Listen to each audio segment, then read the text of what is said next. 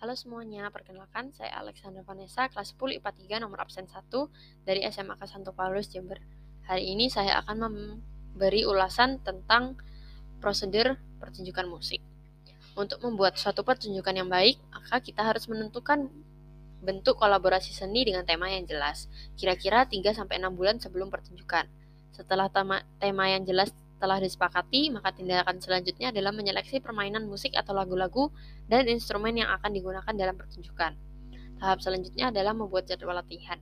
Hal pertama yang dilakukan dalam jadwal latihan adalah melatih permainan musik dengan menggunakan instrumen yang sudah ditentukan. Latihan gerakan dengan musik, dan latihan memerankan lakon yang sesuai dengan peran yang akan dimainkan.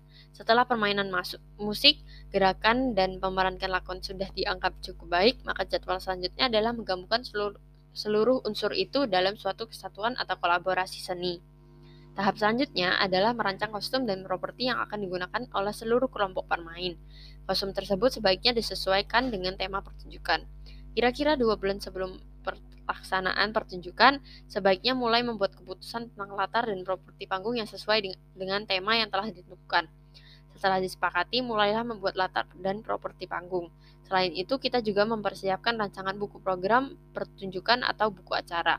Hal penting lainnya yang perlu disiapkan adalah pembentukan tim panitia pertunjukan.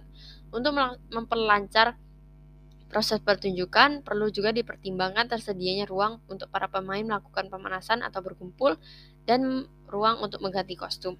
Prosedur terakhir adalah memeriksa seluruh peralatan yang akan digunakan seperti peralatan termasuk instrumen, sound system, properti, tirai panggung, instrumen, dan memeriksa keamanan lantai panggung. Sekian dari ulasan saya, terima kasih.